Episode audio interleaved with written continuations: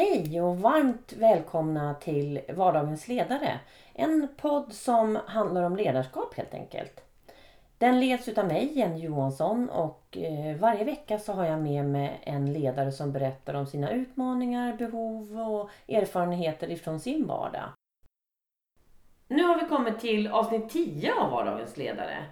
Och jag börjar med att tacka er som har skickat in tips på ledare som ni tycker att jag ska ha med i podden.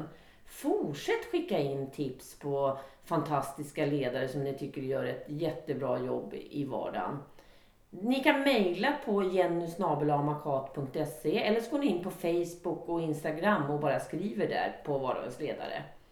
Eh, den här veckan har jag personligen haft otroligt roligt. Jag jobbar med det som jag älskar mest och det är att hjälpa andra ledare och det är att utveckla andra ledare. Och jag har jobbat, framförallt så har jag jobbat med förändringskommunikation. Och just förändringsarbete, det är någonting som jag själv gillar att göra. Och jag tycker att förändringar, man ska se på förändring idag som en process istället för ett projekt. För det är ju någonting som är konstant pågående. Det sker ju förändringar både i stort och smått hela tiden. Och eh, sen har jag också jobbat med fjärde dagen på Makats egna ledarskapsprogram. Och där handlar det om svåra samtal, det handlar om medarbetarsamtal och det är också sånt där som är, är väldigt kul att kunna bidra med för det är så många som ser nyttan med att ha de här verktygen och de här insikterna som man får på de här dagarna. Alltså jag älskar det här jobbet. Så det har varit en riktigt, riktigt rolig vecka för mig. Och sen har jag också då träffat eh, den ledaren som ni ska få lyssna på idag. Som heter Åsa Sundgren Häggberg. Hon är verksamhetschef för fritid och förebyggande i Västerås kommun. Hon brinner för att arbeta med och för barn och ungdomar och föräldrar. Eh, sen har hon bland annat varit initiativtagare till att Västerås arbetar med ett flerårigt projekt, projekt som utgår ifrån ett värdegrundsarbete och ett jämställdhetsarbete utifrån genus. Och de har faktiskt, Västerås har blivit och lyfts som ett bra exempel på ett väldigt, väldigt gott arbete. Och det kommer kommuner på besök till dem och, och de själva får åka till andra kommuner för att berätta hur de har gjort. Det tycker jag är väldigt, väldigt roligt. Och eh, jag träffade Åsa genom ett nätverk som heter ARNS. Och jag är så otroligt glad att jag har fått äran att lära känna den här fantastiska kvinnan och otroligt duktiga ledaren. Så varsågoda, en 30 minuter med Åsa Sundgren Häggberg. Den här veckan är Vardagens ledare sponsrade utav The Generation och i slutet på det här avsnittet så får ni höra Robert Hallgren berätta om hur de jobbar. Men eh, de har ett ganska stort mål och det är att bli en av Sveriges ledande aktörer när det gäller hemsidor. De är otroligt duktiga och engagerade och motiverade det här, på det här företaget. Alltså jag gillar dem så himla skarpt och jag är så tacksam att ni vill vara med och sponsra Vardagens ledare. Så tack för det, The Generation. Jaha, kommunhuset i Västerås.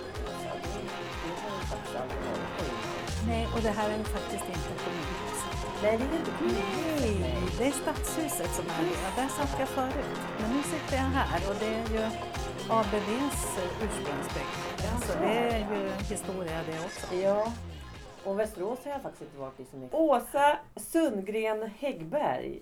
Tack, vad roligt att jag får komma till Västerås och spela podd med dig. Jätteroligt att ha dig här. Ja. Det här blir spännande. Verkligen. Eh, Och, men Åsa, vem är du? Ja, jag är faktiskt uppväxt i Västerås, även om jag föddes i Borås. Men jag har min uppväxt här. Och eh, bestämde mig sen när jag skulle plugga att jag ville jobba med socialt arbete. Mm. Och jag ville så långt norrut som möjligt, så jag pluggade i Umeå. Mhm. Och sen eh, flyttade jag runt lite. Men när jag var färdig med utbildningen så var det svårt att få jobb. Så då tänkte jag, då flyttar jag hem och så tar jag första bästa jobb någonstans i landet. Och det blev sex veckors vikariat i Västerås. Och, och så har du blivit kvar här i Västerås? Ja, ja. tänk. Och det vet jag första gången eh, när jag som ny socionom kom in på socialkontoret i ett av bostadsområdena här och mötte de som hade jobbat i fem år och tänkte oj, så länge kommer inte jag stanna här. Nej. Och nu har det gått 32 år, så kan det gå. ja, och vad är det du jobbar med nu Åsa? Ja, nu sedan tio år tillbaka så jobbar jag som verksamhetschef för någonting mm. som heter Fritid och förebyggande. Och det har jag väl konstaterat det är de frågorna som ligger mig närmast om hjärtat. Att få jobba med verksamheter i ett tidigt skede riktat i första hand till barn och ungdom. Mm. Men även eh, lite vuxna och lite äldre också, men hela tiden ur ett förebyggande och tidigt perspektiv. Det är väl det som jag brinner för. Ja, jag tänker, hur, hur ser din organisation ut nu? Ja, jag har ju sex enhetschefer hos mig och eh, det är ju olika verksamheter de chefar för. Och det är alla kommunala fritidsgårdar och eh, klubbar för 10 till 12-åringar och sen är det några mötesplats äldre. Så det är tre chefer som har de delarna. Mm. Sen har vi en enhetschef som har alla sju familjecentrum och det är öppen förskola ihop med förebyggande arbete. Och sen har vi en chef som har ansvar för nyanlända, att vägleda dem in i det svenska samhället och också utbilda dem utifrån samhällsorientering. Mm. Och sen har vi en enhetschef som jobbar mycket med olika samordningsuppdrag och projekt. Så det är ganska olika saker. Det är ju verkligen väldigt brett. Är det ju. Ja. Men nu har du nämnt också ett ord flera gånger här och det är förebyggande. Mm. Det blir ju jag lite intresserad av. Vad, ja. vad, vad, det, det, är ett ganska stort ord. Det är ett jättestort ord och man kan säga att man kan ju jobba förebyggande i många olika skeden mm. egentligen. Men här handlar det ju mycket om att eh, ge barn och ungdomar och familjer en bra start. Mm. Det handlar om att ge föräldrastöd till nyblivna föräldrar eller som har tonåringar hemma och tycker att det kan vara jobbigt. Det handlar om att ge bra vettig fritid till barn och ungdomar på gårdar och klubbar. Och också samarbeta mycket med andra aktörer. För samarbete är ju också någonting som vi ser. Mm. Det handlar också om att eh, utbilda andra professionella. Som några av våra samordnare gör. Utifrån mm. alkohol och droger eller barn som riskerar att fara illa. Hur kan man upptäcka och agera på förskolor, skolor, på folktandvården och vad det än är kring de frågorna. Mm. Så där handlar det mycket om att jobba genom andra. Jag tänker så här, eh, när, när jag tänker på din roll. Ja. Det måste ju vara en av de viktigaste rollerna i samhället Åsa. Så tänker jag. Ja. Det är alltså barn och ungdomar. Det är ju de som är vår framtid. Ja. Hur, hur, ser du på, när jag säger så, hur ser du på den rollen då? Jag är väldigt stolt över dels att jobba i en kommunal offentligt finansierad verksamhet. Mm. Det tycker jag man ska ta med stor ödmjukhet. Det är skattebetalarnas pengar vi jobbar med och de ska hanteras på bästa sätt. Och att få jobba med framtiden, det är ju det finaste uppdrag man kan ha. Mm. Och försöka genom olika verksamheter lotsa och hjälpa dem till rätta mm. framåt. Ja, verkligen. Mm. Och i ditt ledarskap här, mm. hur, vad tycker du är absolut det viktigaste när du ser på ledarskap utifrån ditt perspektiv? Ja, om jag tittar genom åren så är det väl några saker ändå som jag tycker är genomgående och som har präglat mig i mitt ledarskap mm. och också olika val jag har gjort var jag har, har velat jobba. Och dels handlar det om att välja arbetssätt och metoder som ger människor en chans till att växa. Mm. Inte ett myndighetsperspektiv där jag vet bäst eller medarbetarna vet bäst. Vissa saker kanske vi vet inom vissa ramar. Men inom det måste man få växa. Mm. Det andra är mod, att våga prova nytt och att utveckla nya saker. Och går det inte bra så det är inte hela världen. Då får man lära sig av det. Men hur, hur får man till det i en sån här kommunal verksamhet? Ja, det jag gör som chef och ledare det är ju att jag försöker se till att inte styra på för många saker. Det finns ju höga ambitioner och man ska ha koll och det är statistik. Men vi ska bara ha koll på det viktigaste. Annars så kväver vi initiativ från både barn, ungdomar och medarbetare. Mm. Och då, då har vi snart ingen verksamhet tror jag. För det händer så otroligt mycket. Barn och ungdomar finns i en annan värld, höll jag på att säga ibland. Mm. Som, som vi bara behöver hänga med. Vi så för oss gamla. Precis. Och vi behöver hela tiden anpassa vår verksamhet ja. utifrån förändringar. Mm. Och då måste man våga prova nytt för annars så kommer inte barn och ungdomar att välja våra verksamheter. Då väljer man något annat mm. och då mm. finns vi inte kvar helt enkelt. Så här gäller det ju att ha stor frihet och stor möjlighet att kunna fatta egna beslut som medarbetare. Längst. Men jag tänker så här, för din roll är ju inte så enkel. Eh, jag tänker då alla påtryckningar utifrån, uppifrån, lagar, mm. Ja, riktlinjer. Hur, hur gör du då för den här enskilda medarbetaren Åsa? Men jag tänker att mm. man kanske sitter där och man ser massor med saker och, och det här vill jag utveckla. Hur, hur, hur gör du det här? Dels så försöker jag sålla så mycket som möjligt. Hur menar du då sålla? Att alla eh, initiativ eller viljeinriktningar från sidan eller uppifrån funkar kanske inte och då gäller det att ha mod att säga nej eller att det där gör vi med någon light-variant. Mm. Däremot finns det ju vissa saker som kan vara jätteviktiga att ha koll på, det ska vi ha. Mm. Den andra delen det är att när det kommer initiativ och frågor från medarbetare eller mina chefer om att få prova något nytt så brukar jag inte säga nej på en gång. Jag tänker alltid till. Mm. Och i de allra flesta fall så är det ju kloka saker de har kommit på så det är bara att testa. Ja, just det. Jag kan ta ett exempel. Ja. Eh, vi har ju bedrivit eh, dagkollo några år på sommartid. En sommarkoloni, det förknippas ju med landet och bada fint väder och så. Ja, lägereld. Ja, lite så. Och vi har eh, hyrt ett hus ute på landet här då, där vi har haft dagkollo. Det mm. har inte varit övernattningar mer än kanske en gång då, då. Men det här året, nu i somras, så var ju stället redan uthyrt. Så då var vi tvungna att fundera, vad ska vi göra nu då? Och då var det några medarbetare och en av mina chefer som sa, vi skulle vilja testa och utgå från stan. Mitt i stan istället. Och jag tänkte, jag kör, prova. Ja, vi får väl se. Det gick ju kanonbra. Ja. de, de gjorde istället utflykter. Ja. Så de åkte på badutflykter eller de hade gångavstånd till Svartån som går igenom stan och kunde fiska. Eller göra andra aktiviteter och använda stans olika utrymmen. Mm. Och det var otroligt populärt bland barnen.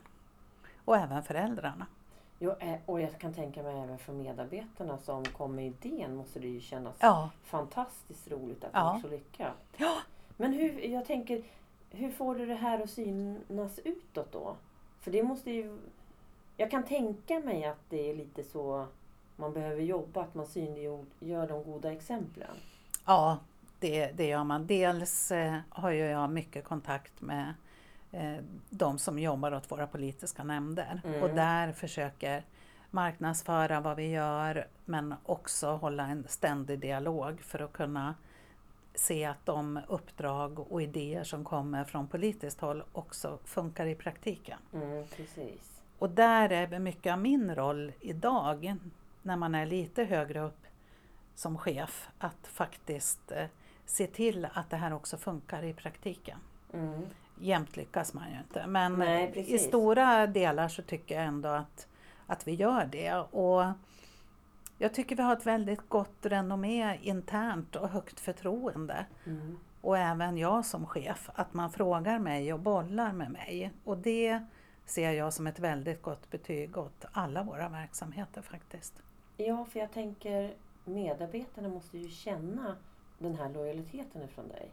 Ja. Eller hur? Eftersom, ja. För de måste väl också förstå att du kanske jag backar upp och stöttar och stoppar till och med. Åt lite håll och kanter ibland. Ja, hur mycket de eh, vet att jag stoppar det vet jag inte. Men Nej. däremot att de har ett stöd av mig. Men nu när de lyssnar på den här podden ja, kanske de förstår att du är, är ännu mer lojal än vad de förstår. Ja, ja, men eh, det märker jag ändå när jag är ute och träffar dem att det, det är uppskattat och man har ett högt förtroende även från medarbetarsidan till mm. mig. Och det känns ju väldigt skönt. Verkligen. Det För det, det krävs ju en ganska stark ledare att klara av att ha den här öppenheten. Nu har inte jag jättestor erfarenhet av just att jobba i en kommun, Åsa. Men, men det är ju som vilket företag som helst, tänker ja. jag. Ja. Så att det, det, krävs ju en stark ledare här. Jag, jag, tänker också, Åsa, om, om det är initiativ från medarbetarna och så som inte lyckas, hur hanterar man det?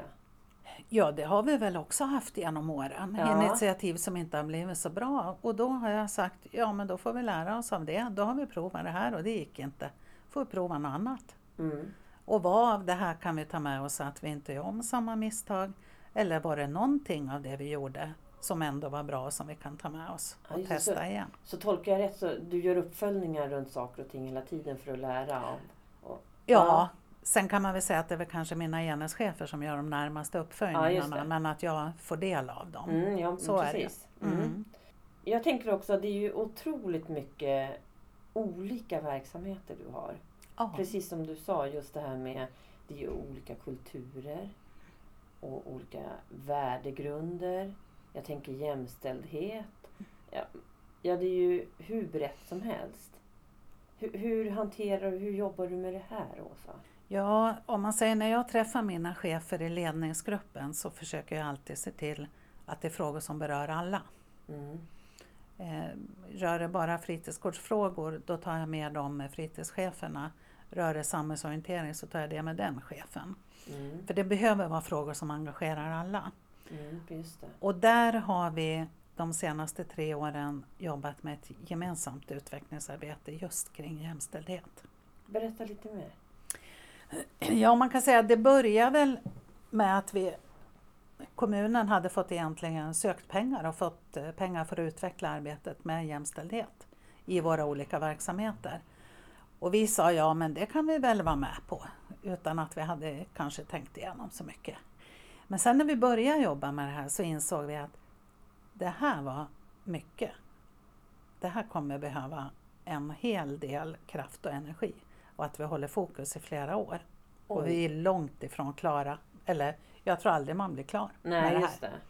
För det vi insåg det var ju att vi måste börja med oss själva. Så vi började med en utbildning eh, till oss chefer i ledningsgruppen. Ja, mm. För att jobba lite med egna värderingsdiskussioner, värdegrundsfrågor, övningar och sånt. Innan vi gick ut till medarbetarna. Det måste ju ha skapat en gemenskap och förståelse ja. för varandra på en helt annan nivå än innan. Eller? Ja, Ja, och det, det vet vi allihop att vi har fördomar. Ja. Så det var ju väldigt, väldigt nyttigt. Mm. Sen har vi jobbat med det här också ända ut i verksamheten. För tanken är ju ändå att våra verksamheter ska vara till för alla på olika sätt. Mm. Och här har vi upptäckt genom åren att vi kanske inte bemöter tjejer och killar lika. Eller mammor och pappor lika. Det är omedvetet mm. som vi har fått syn på och som vi har fått jobba med i själva bemötandet. Och då handlar det om att jobba med sig själv väldigt mycket. Att fundera över. Sen ibland kanske man har riktade grupper till tjejer eller killar. Och det kan vara helt okej, okay, bara det är ett medvetet val och att man vet varför man gör det. Mm. Men inte slentrianmässigt. Så vi har ju ändå ringat in några saker som vi har valt att jobba med. Bland annat eh, på våra öppna förskolor där vi kollade litteratur. Vad har vi för barnböcker? Och det visade sig när vi började kolla det där att de flesta hade ju killar som huvudroller. Så där har vi ju rensat ut då, in med fler där det finns tjejer som har huvudroll. Mm. På våra Hur togs det här emot på, på förskolorna?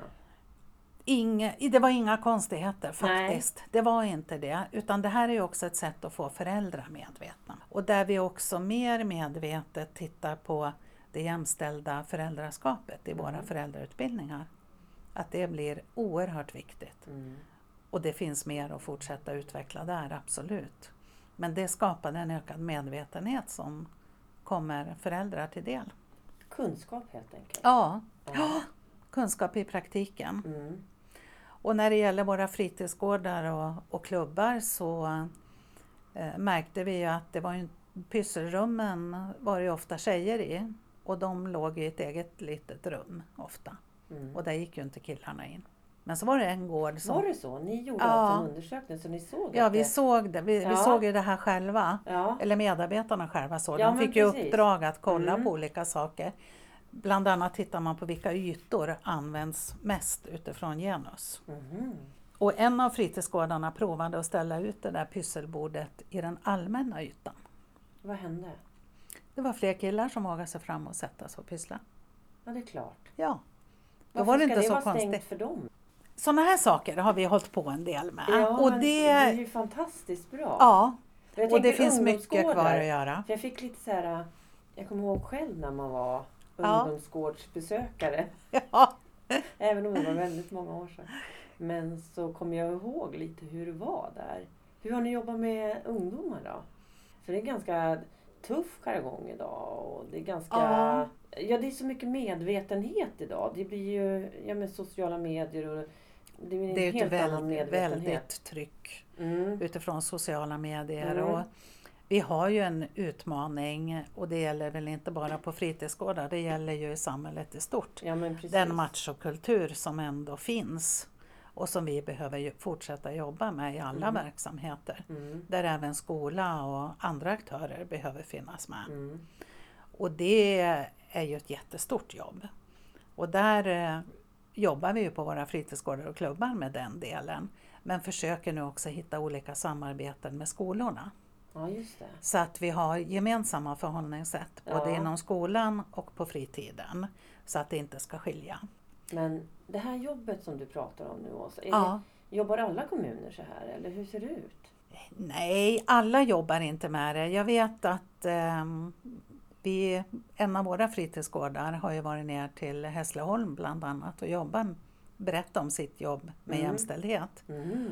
Och eh, vi kommer finnas med som ett gott exempel i en eh, bok, En kommun fri från våld, som kommer att ges ut av Män för jämställdhet. Så finns vi med Nej som ett gott exempel. Så det är jätteroligt och nu kommer flera hit på studiebesök Ja. och ser hur vi har jobbat. Och eh, även eh, andra kommuner har tittat på våra familjecentrum, hur vi har jobbat med olika frågor.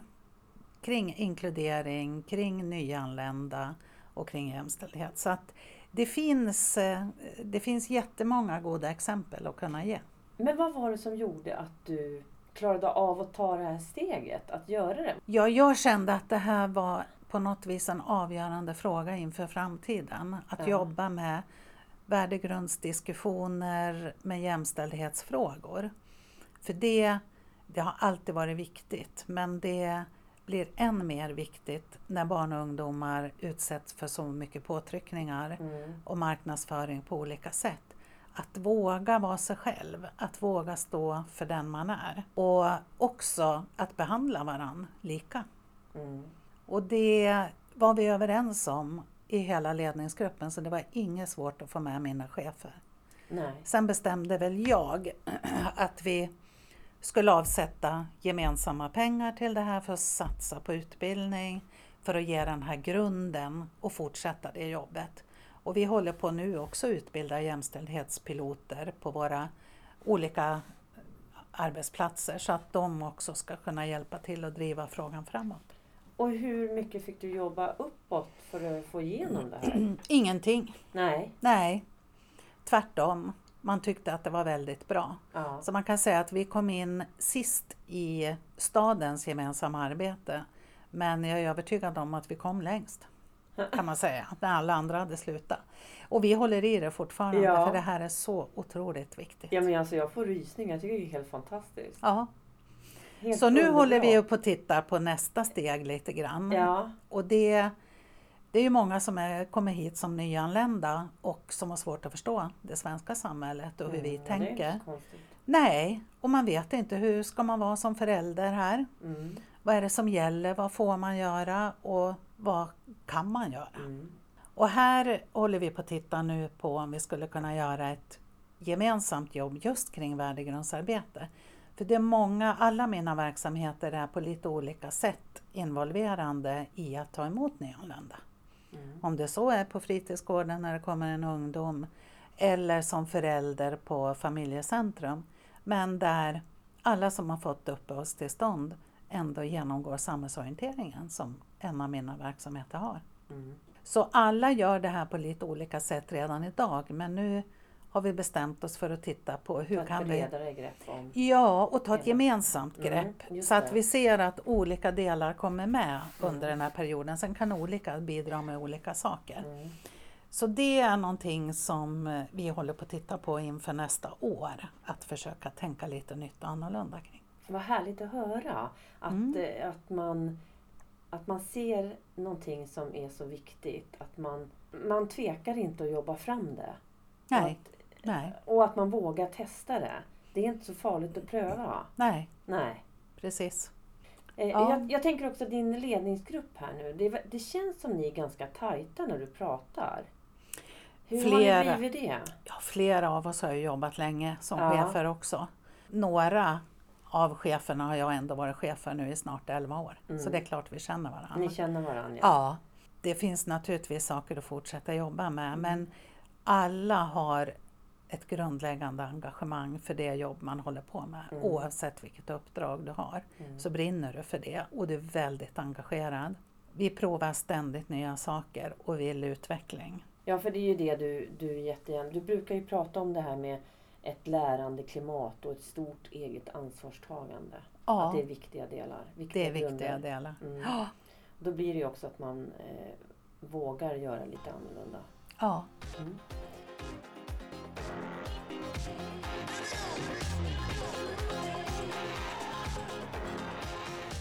I min ledarstil, eller jag som person skulle jag säga, så um, är jag övertygad om att det alltid går att tänka nytt och tänka annorlunda. Mm. Även om det kan vara inom ganska smala delar. Mm. Men det finns alltid en möjlighet att prova nytt. Mm. Om Och det är det jag söker. det låter så lätt Åsa när du pratar om Ja, det. det låter lätt. Det är ju inte lika lätt. Nej, så jag tänker så här, vilka delar behöver man tänka till på där tycker du? Jag tänker för det första så behöver man eh, välja sina strider. Eh, Man behöver ju tänka igenom att det här är absolut viktigt. Och att det är någonting som är grundat i en själv som person. Mm. Eh, Att jag känner att det här är någonting jag verkligen kan stå för och är beredd att ta strid för. Men också att det har en nytta för den verksamhet man håller på med. Det får inte vara något helt annat som man inte pysslar med. Men det behöver man känna, det måste vara grundat i en själv. Och det är då jag tror man får igenom det, både kanske politiskt men också gentemot medarbetarna. Att man ser att det här tycker chefen är viktigt. Det här, är någon, det här är inte bara taget ur luften eller någon som har hittat på. Utan det här är så viktigt att det här ska vi fokusera på och jobba med. Det tror jag är en, en viktig del för att nå framgång. Och att ha lite tålamod och också våga sticka ut hakan ibland och stå för det. Precis, jag, jag tänker så här, ha lite tålamod säger du. För jag tänker i den här, i den här världen. Eh, jag är ju väldigt van eh, i en entreprenörsfamilj och i ett för, litet företag. Alltså det är ganska snabba vägar. Jag tror aldrig jag skulle klara av den här eh, långa processen som det faktiskt är, Åsa. Hur, vad är det hos dig som gör att, att du är så bra på det här? Ja, fast det vissa saker kan vara långa processer. Ja. Men andra saker går väldigt, väldigt fort. Är det inte väldigt relativt det här med fort och, och, och långsamt nu? Nej. alltså vissa saker som liksom går i stå eller sådär, det kan ju ta åratal Ja, av, av sega processer. Så är det ju, men det är samtidigt viktigt i en politiskt styrd organisation att det är förankrat politiskt. Mm. Men när det gäller innehållet i en verksamhet på plats så är det ju ingen som går in och detaljstyr. Det är ju ingen som går in och säger att det här ska just den här fritidsgården göra. Utan där har du det här friutrymmet. Och då kan det vara från en dag till en annan du fattar beslutet, sen är du igång. Så det handlar om att definiera vad, vad kan vi faktiskt vara snabba i och bestämma över själva tillsammans med ungdomarna Mm. eller familjerna eller medarbetarna. Men vad är det som krävs en längre process? Och det behöver man hålla isär. Men Precis. det kan gå otroligt fort. Nu glödde i dina ögon, Åsa. Och vad är det som efter 32 år som ger dig den här energin? Ja, det tror jag. Det finns alltid saker att utveckla till det bättre. Jag är, jag är ju i grunden positiv och fokuserar på möjligheterna. Hindren, det, det får man ta vartefter i så fall. Eller se till att övervinna. Och där kan det ta lite längre tid. Men fokusera på det som är möjligt och det vi har möjlighet att bestämma över. Mm. Det är då man kan nå framgång. Och inte stånga huvudet blodigt i något som jag ändå inte kan påverka. Jag tycker att det känns... att Västerås känns som en öppen och härlig stad, Åsa. Ja, det tycker jag.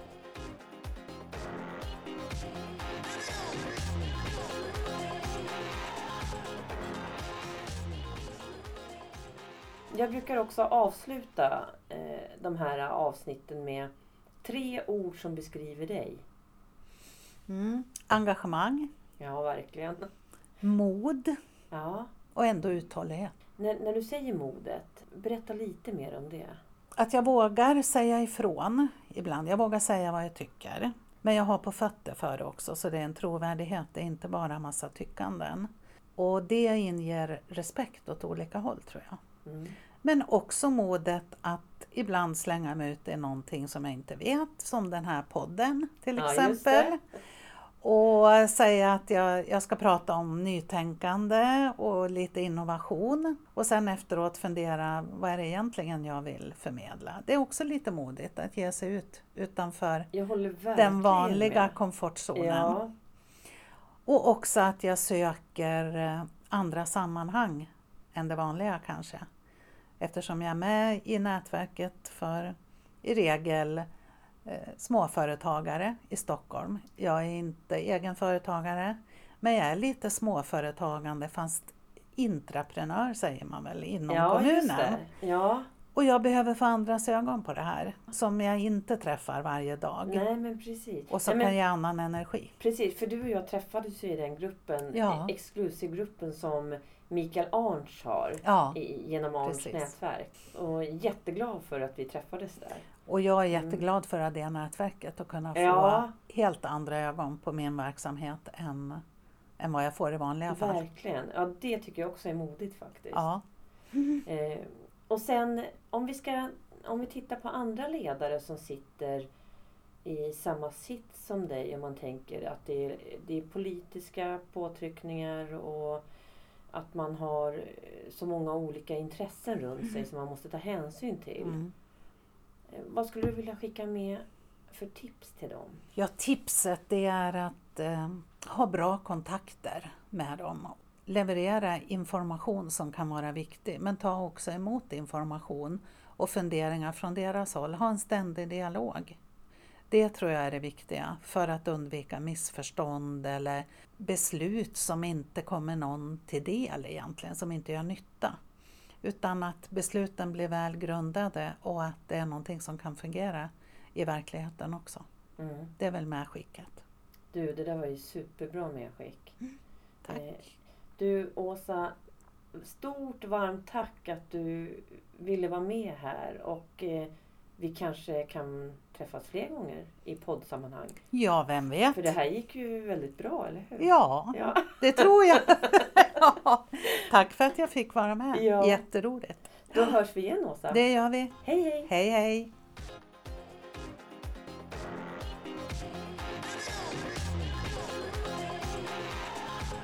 Idag så har jag den stora äran att sitta med en av vardagens ledares eh, sponsor här. Robert Hallgren ifrån The Generation. Varmt välkommen! Ja, men tack så mycket. Eh, jag skulle vilja fråga Robert, vad är det som gör att du har valt att vara sponsor till den här podcasten? Jag tycker att ledarskap är en väldigt viktig fråga. Och eh, det är någonting som både jag och hela vårt företag jobbar väldigt mycket med. Så därför kändes det naturligt. Det är en ära att få vara sponsor. Tack för det. Och vem är Robert Hallgren? Jag är VD idag på webbyrån Generation. Jag är serieentreprenör om man får säga så. Jag har drivit ett antal bolag under 12 år tillbaka. Jag är också i botten webbutvecklare och marknadsekonom. Ja, du startade ju väldigt tidigt ditt första företag. Hur gammal var du? Jag var 24, jag var 2004. Var. Ja, och det har ju gått väldigt, väldigt bra för dig. Du är ju väldigt duktig på det här och har nischat in det. Och sen en annan sak med dig Robert. Du och jag känner ju varandra ganska väl i och med att vi är ju med i väldigt många nätverk tillsammans. Och någonting jag ofta får höra när man frågar om de känner dig. Då lägger de alltid till någonting att ja det där är en vass kille. Men, ja, men han är ju otroligt schysst. Eh, ja, och så är han så väldigt ödmjuk också. Jag har fått mycket hjälp utav Robert. Hur kommer det här sig Robert? ja, kul att höra. Nätverkande för mig har alltid varit att eh, hjälpa andra människor och hjälpa till på det, på det sättet som respektive individ behöver hjälp. Och ibland kan det vara att man behöver eh, nya affärer och försöka koppla ihop det. Men det kan vara kontakter, det kan vara att någon behöver ett nytt kontor eller att jag kan göra någonting för dem. Försöker se varje individ, individs eh, egna behov och hjälpa till så gott jag kan. Och, och jag tror att det kanske är det som eh, brukar vara uppskattat. Mm, det tror jag också. Är det det som eh, gör att ni har väldigt många kunder och, och väldigt nöjda kunder? Är det så du bygger ert företag också? Ja, vi, vi började med, när vi startade upp Generation för två år sedan, att eh, säga att vi ska, vi ska syssla med strukturerat nätverkande som enda försäljningskanal mer eller mindre. Och det har vi gjort. Och idag har vi strax över 200 kunder och, och, vi har aldrig tappat en enda uppdragsgivare sen starten. Nej, det är ju fantastiskt faktiskt. Ja, det är roligt. Men du, men om vi tittar då konkret vad ni jobbar med. Det är ju därför man som jag som inte kan sådana här saker liksom anlitar sådana som er. För ni, ni är ju en webbyrå som då fokuserar på Wordpress framförallt. Och, men för mig, vad, vad är Wordpress? Wordpress är världens mest använda webbpubliceringsplattform som man använder för att sätta upp hemsidor, alla typer av eh, bloggar, sajter och eh, det är också ett administrationsgränssnitt då som man enkelt kan gå in och uppdatera text, bild och, och film mm. själv. Ja, för det, det är ju det man ofta får höra. Eh, just det här att Wordpress är så väldigt enkelt att jobba i. Så eh, någonting annat som slår mig nu det är ju faktiskt att väldigt, väldigt många säger ju att ja, men jag, jag ska bygga en sida själv och ja men det där hjälpte någon granne mig med. Och, vad är det som gör att man ska anlita just det då? Wordpress är ju väldigt smidigt att jobba i. Det är därför det också står idag för över 26 procent av hela internet. Och det är ju byggt på öppen källkod, vilket betyder att det är fritt att modifiera och distribuera och det är licensfritt så man slipper betala massa dyra licenser. Mm. Eh, och det här kräver ju också då när stora bolag och organisationer ser att både banker och tidningar och, och politiska partier använder Wordpress eh, kräver en leverantör som har koll på säkerhet, på att man kan implementera deras grafiska profil, man kan hålla deadlines, eh, helt enkelt att man kan erbjuda en professionell process. Och då bör man ju vända sig till en webbyrå i första hand istället för att göra det på egen hand. Men vad är det ni har gjort eh, för att bemöta kundernas utmaningar i de här delarna som du nämnde nu? Just det här med säkerhet och ja, alla de här bitarna. Ja, vi startade bolaget för ungefär två år sedan och vi började lite grann i andra änden kan man säga. Vi tittar på vad är det för utmaningar som de flesta kunder till webbyråer upplever där ute. Och vi såg att eh, många får dålig respons. Man överdebiteras. Man, eh, man jobbar med webbyråer som eh, kanske är mer av kreatörer än att de har koll på säkerhet. Och sen eh, saknas det många gånger kunduppföljning. Så vi tittade på hur man ska kunna bemöta de sakerna i första hand. Och sådana, andra frågor som professionell design och programmering, det ser vi mer som hygienfaktorer. Ehm, jag kan faktiskt som kund känna, känna det här du berättar. Att ni månar ju faktiskt om att, att det ska gå bra för mig som kund och att jag ska inte bara ha en hemsida utan jag ska ju ha en hemsida som också hjälper mig i mina affärer såklart. Nej men tack Robert för att du var här och berättade lite mer om vad The Generation jobbar med. Och jag som kund kan ju bara säga att jag känner mig väldigt omhändertagen och väldigt trygg med er som leverantör. Och ni är ju ett företag som det händer mycket i och ni är ju i tillväxtfas, eller hur? Ja, absolut. Vi har väldigt, väldigt mycket på gång och eh, vi har inte sett det sista av oss. Vi har ju sagt som mål också att vi ska bli Sveriges bästa webbyrå och eh, det kommer vi ju att eh, kämpa för att bli. Jag känner att det kommer bli väldigt spännande att följa er på er resa Robert. Stort tack att du var med. Tack själv.